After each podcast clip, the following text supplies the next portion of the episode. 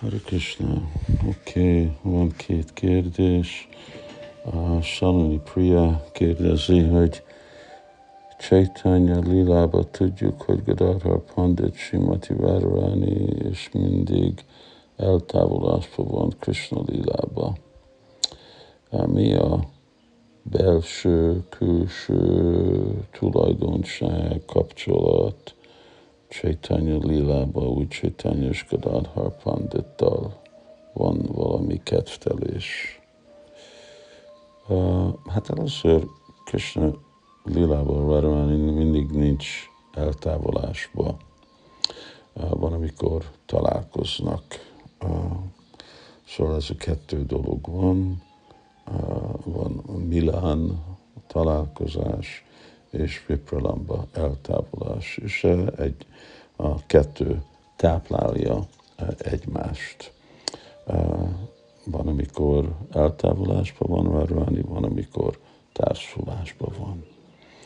Hogy Gadadhar Panditnak a kapcsolata, hát a, többször mondtam, a, amikor van a Gadadhar Pandit megnyilvánulása, és akkor arról nem fogok beszélni, és persze kedvtelések, hát igen, van egy pár kedvtelés a, a Chaitanya Charitamritában, javaslom, hogy azokat olvasni.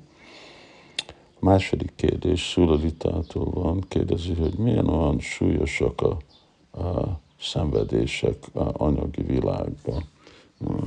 Mondja például, mint Auschwitz, vagy a pokolba, vagy a vágóhíd, vagy háború,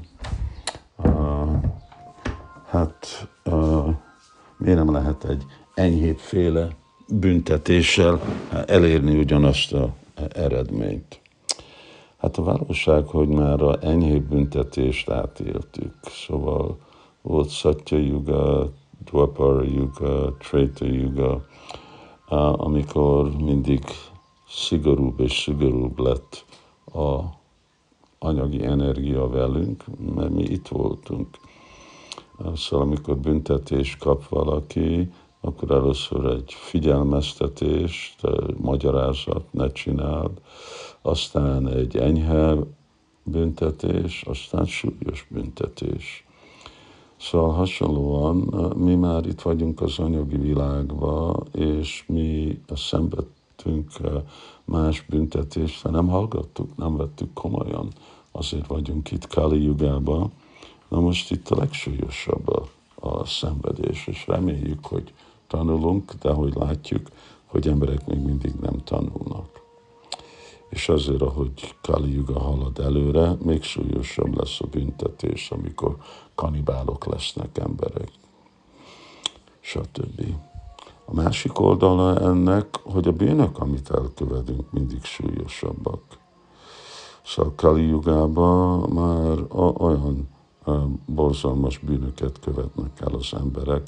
Mindez a példa a, a, ártatlan állatok ellen. Szóval annyi bűnt követünk el szegény állatoktól, vágóhídon.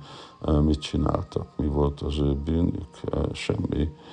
Ők ártatlanok, de mi használjuk a mi intelligenciánkat és erőket, őket kihasználni. És mi történik, amikor egy húsevőnek ezt megmagyarázzuk, hát akkor nagyon ritka, hogy őt ezt érdekli, és vegetáriánus lesz, valamikor lesz, hanem akkor uh, csak úgy, uh, ez nem veszi komolyan. És azért, mert uh, ilyen uh, kegyetlen tudunk lenni, és kegyetlen leszünk, jobban és jobban kegyetlen leszünk, mert több és több bűnt követünk el, akkor így kell nekünk jobban és jobban szenvedni. Szerencsétlen helyzet, nem egy jó dolog itt lenni anyagi világban.